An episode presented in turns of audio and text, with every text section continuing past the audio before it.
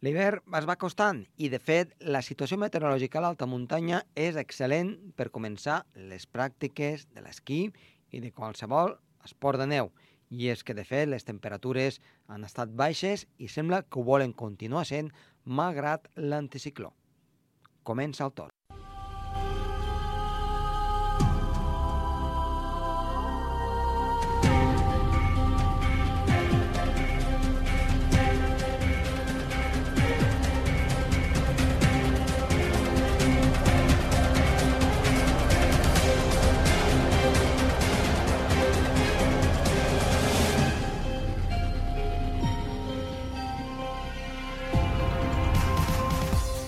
Molt bona tarda, moltes gràcies per estar una vegada més amb tots nosaltres, ja sigui des del seu transistor, el seu vehicle o des de qualsevol lloc del món amb internet.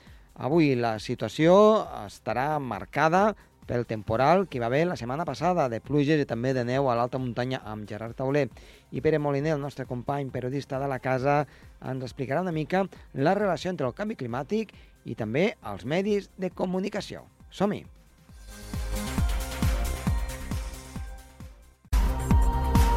El torn amb Josep Tomàs.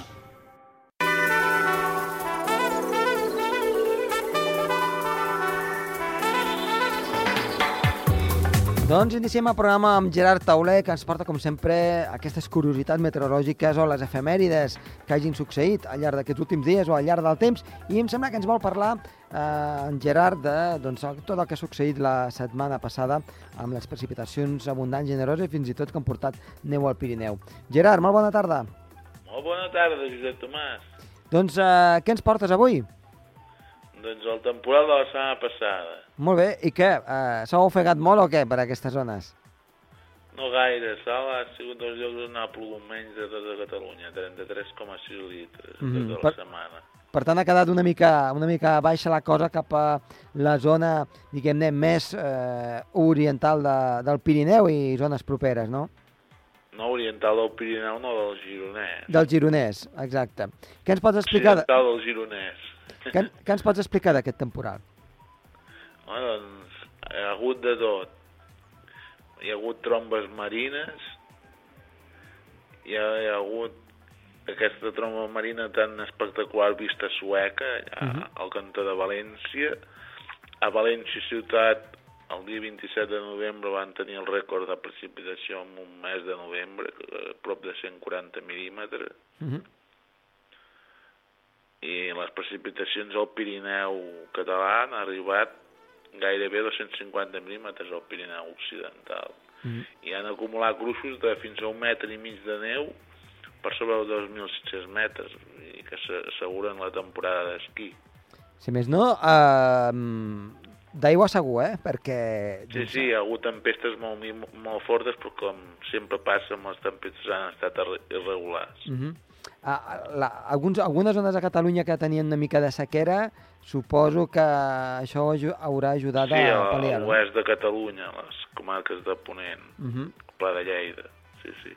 En, en quant a la tromba marina, una mica eh, ens pots fer 5 cèntims de per què es produeixen aquestes trombes marines i si poden arribar a ser perilloses? Sí, aquestes trombes marines normalment es formen damunt del mar i es produeixen per, per la, la per, per la diferència de cisalladura de l'aire entre la, la part més baixa de la, de la superfície i la, la troposfera mitjana. Hi ha, hi ha un gradient de, de diferència de, de velocitat del vent i, i de temperatura que, que provoca aquesta, aquesta velocitat. Uh -huh. Són perilloses o, o, o no? no Home, si entren a, a terra ferma, sí, perquè poden provocar varis desperfectes. Mhm. També vam tenir un, una esclafita igualada, una, acompanyat la, la tempesta, que, que un esclafit eh, és, és diferent que una, un, un tornado, perquè un tornado la, els, els, els arbres, per exemple, queden tombats en diferents direccions oposades. En canvi, amb un esclafit queden en, un, en una mateixa direcció. Uh -huh. Llavors se- seria com si fos una tromba d'aire. Sí, una tromba, un descens d'aire com un down- downburst, sí. Mm. I es pot arribar a preveure aquests, aquests esclafits? Sí, que aquest cap de setmana vaig estar a les jornades Fontserè i, i est- estan inventant nous índexs per, per tenir en compte el CAPE i alt, les UET índex i altres índexs per, per, per, per predir aquest, aquest, aquest fenomen, sí. Doncs, uh, Gerard, moltíssimes gràcies per fer una miqueta De res, de 5 cèntims del que va estar doncs, aquest temporal i a veure què ens depara doncs, aquestes properes setmanes. Moltes gràcies. sí, de res, vinga, que vagi molt bé. Adéu-siau. Adéu.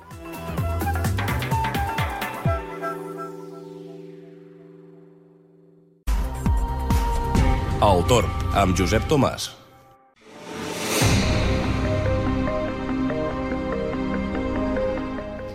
Doncs en l'entrevista d'avui tenim el nostre company amic periodista, en Pere Moliner. Pere, molt bona tarda. Bona tarda.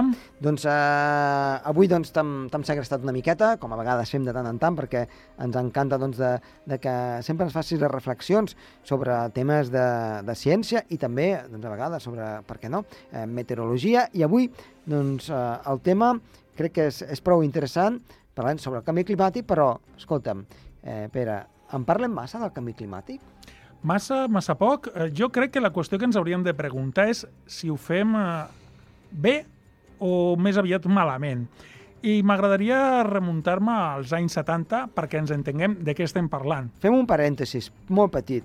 Quan diem eh, en parlem massa del canvi climàtic, ens referim des del punt de vista periodístic.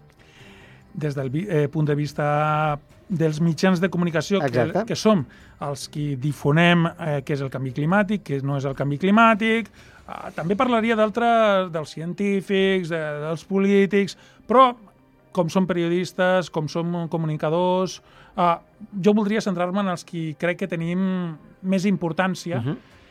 que som els periodistes, a l'hora de difondre què és o no què no és el canvi climàtic. Mhm. I per això voldria, doncs això, parlar de una època en la qual es parlava molt del canvi climàtic als mitjans de comunicació i en la qual es donava per suposat que estàvem a punt d'entrar en una era glacial. Estic parlant dels anys 70 i estic parlant sobretot del món anglosaxó, dels Estats Units i en menor mesura del Regne Unit. Voldria recordar que els, eh, les prediccions d'una era, de gel dels anys 70 es van donar fonamentalment als mitjans de comunicació anglosaxons, però que no era així a la realitat eh, del món científic. Però parlem, per exemple, de un article del 1974 de Times Magazine, la important revista Times. Quin era el seu títol? Una altra era de gel. Recordem quin era el pronòstic eh, de Times Magazine del 1974. Recordem, una de les millors revistes punteres del món. Quan els meteoròlegs medeixen, deien, el promitge de les temperatures al voltant del món, troben que l'atmosfera s'està fent més i més freda gradualment durant les últimes tres dècades. La tendència no mostra indicis de revertir-se.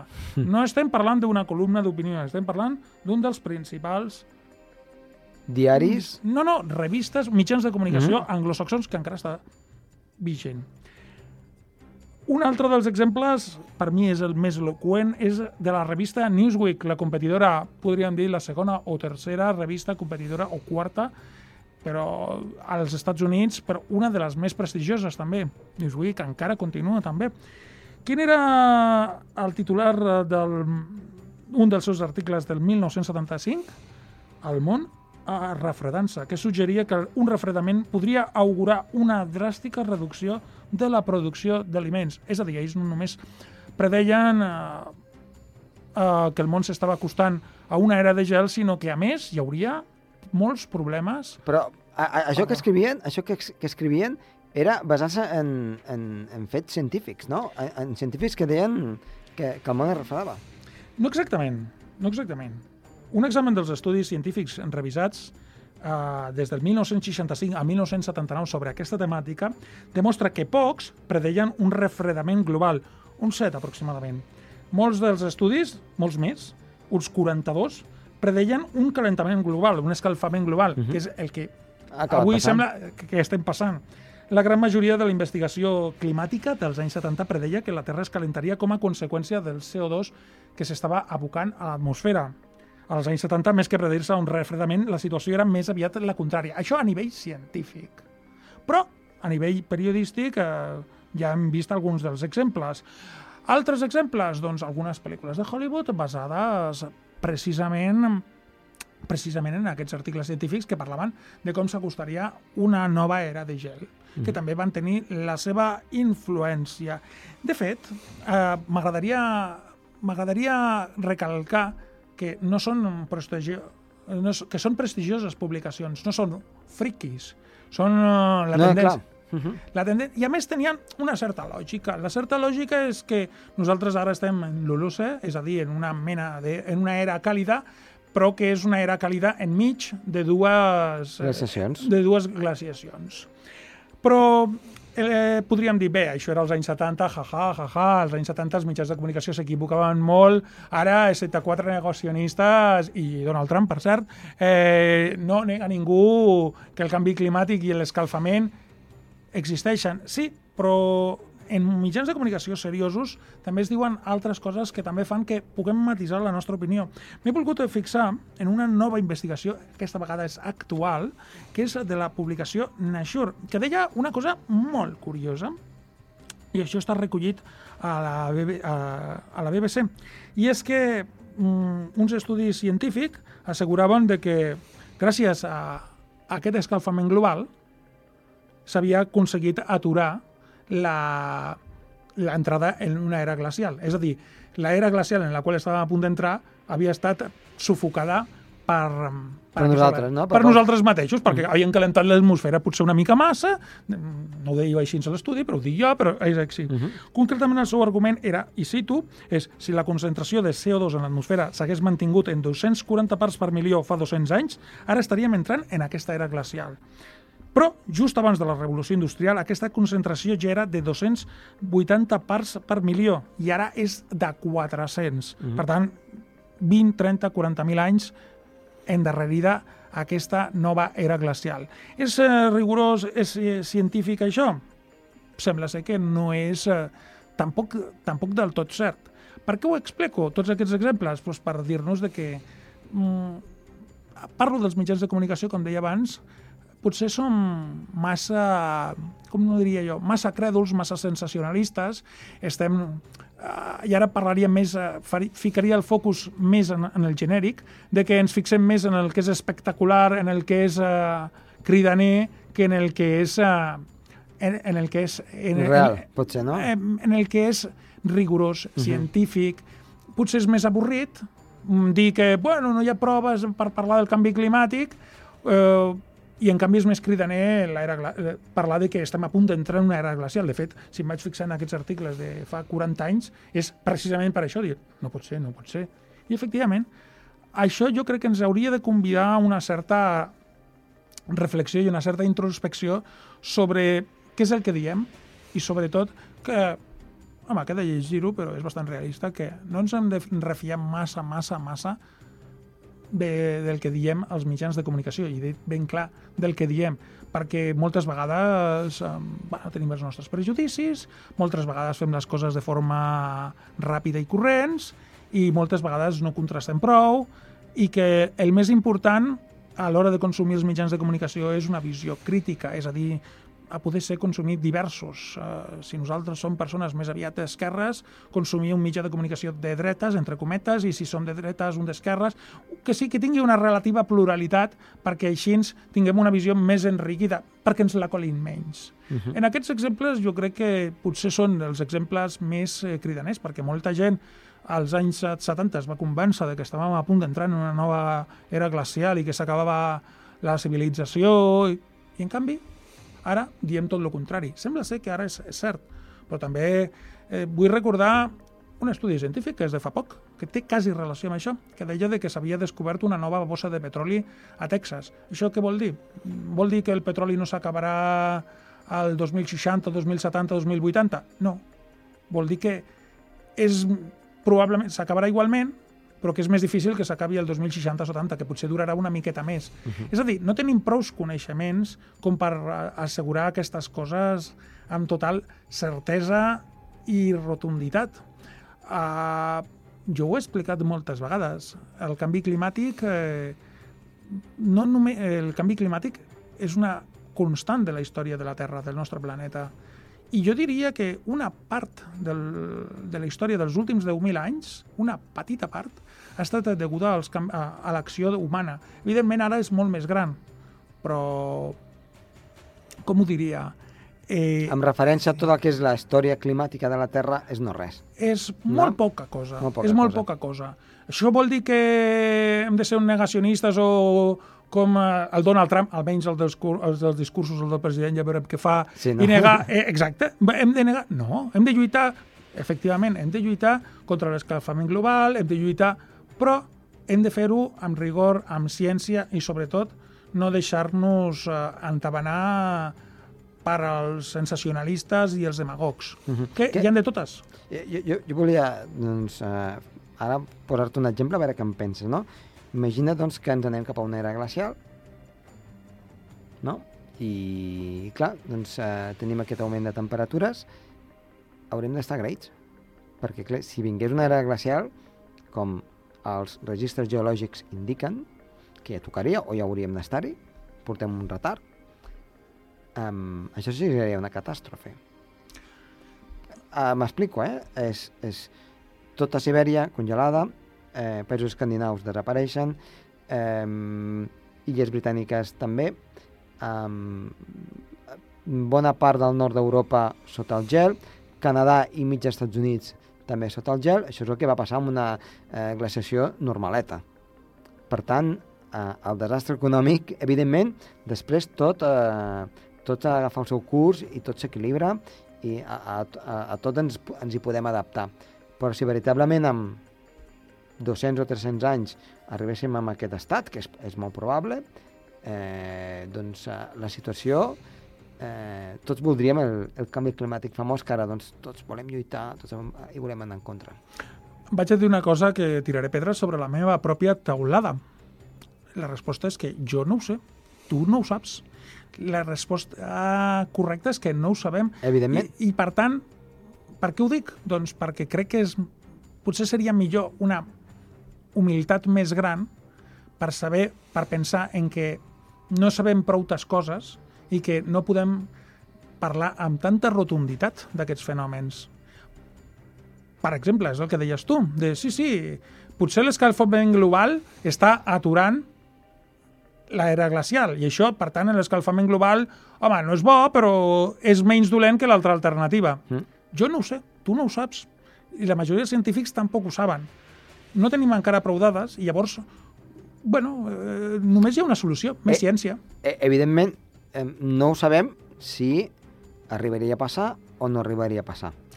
Però ara posem per cas de que succeeixi. I tenim la probabilitat, la possibilitat de doncs, deixar que la Terra faci el seu curs o canviar-ho i escalfar-ho. Evidentment, jo crec que, la, jo crec que tothom aniria... Fa... Bueno, sempre hi hauria un grupet que no, però de que, de que no s'escalfés, que, ai, que, que no es refredés, sinó que, que, que es mantingués com fins ara. No Eh, pas que arribés una era glacial. De fet, una de les propostes... En O, di, teoria, Digue'ls a Canadà i Estats Units, a veure què voldrien, o Rússia, no, no, una de les propostes entre- de- d'alguns científics i mitja Xina. hi ha alguns científics, en teoria friquis, però no ho sé, quina, no, sa- no sé què dir, sincerament, que consideraria bé el canvi, l'escalfament global, ara estem parlant de l'escalfament global, es podria aturar fent emos, eh, emis, moltes emissions de sofre a la- a l'atmosfera la, perquè així ens refredaria. No sembla descabellat. Jo no m'ho acabo, no acabo de veure clar i és evident que les autoritats del món tampoc ho veuen clar. Però torno a repetir-ho.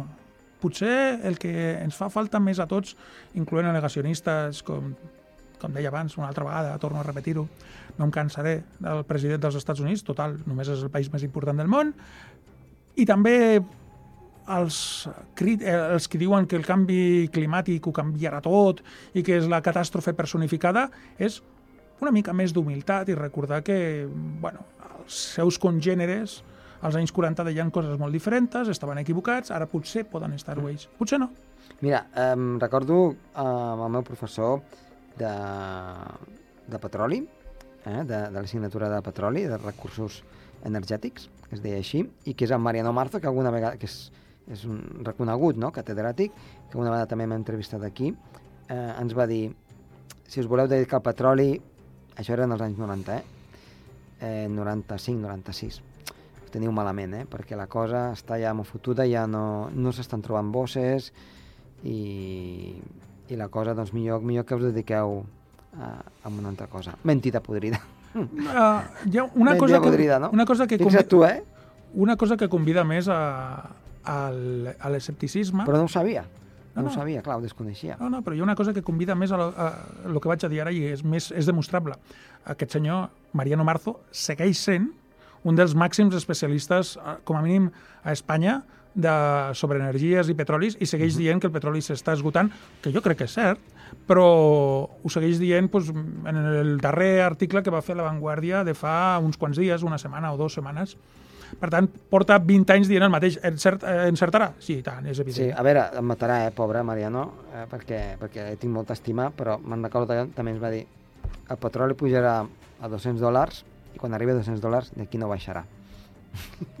Evidentment, la cosa no és així. Per tant, eh, això, això ens marca una mica doncs, eh, els grans alts i baixos que amb, amb, amb una cosa doncs, que, que podem palpar, com és el petroli, imagina't tu ara si parlem de, de l'atmosfera, al qual doncs, eh, se'ns escapa a tots de moment eh, i força.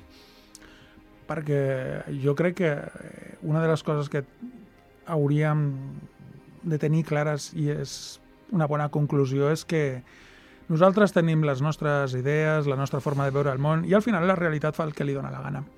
Exacte. És com, eh, és, és com quan, eh, per exemple, ha de nevar i no neva. I jo sempre a la gent li dic, escolta'm, al final del temps farà, farà el que voldrà, per, per molt que nosaltres vulguem que nevi o no nevi. Pere Moliner, moltes gràcies. Avui ha estat un, un tema doncs, eh, que podríem estar aquí debatent hores i hores, però crec que els nostres oients eh, els farà reflexionar una mica. Moltes gràcies, fins la propera. Fins a la propera. El torn amb Josep Tomàs.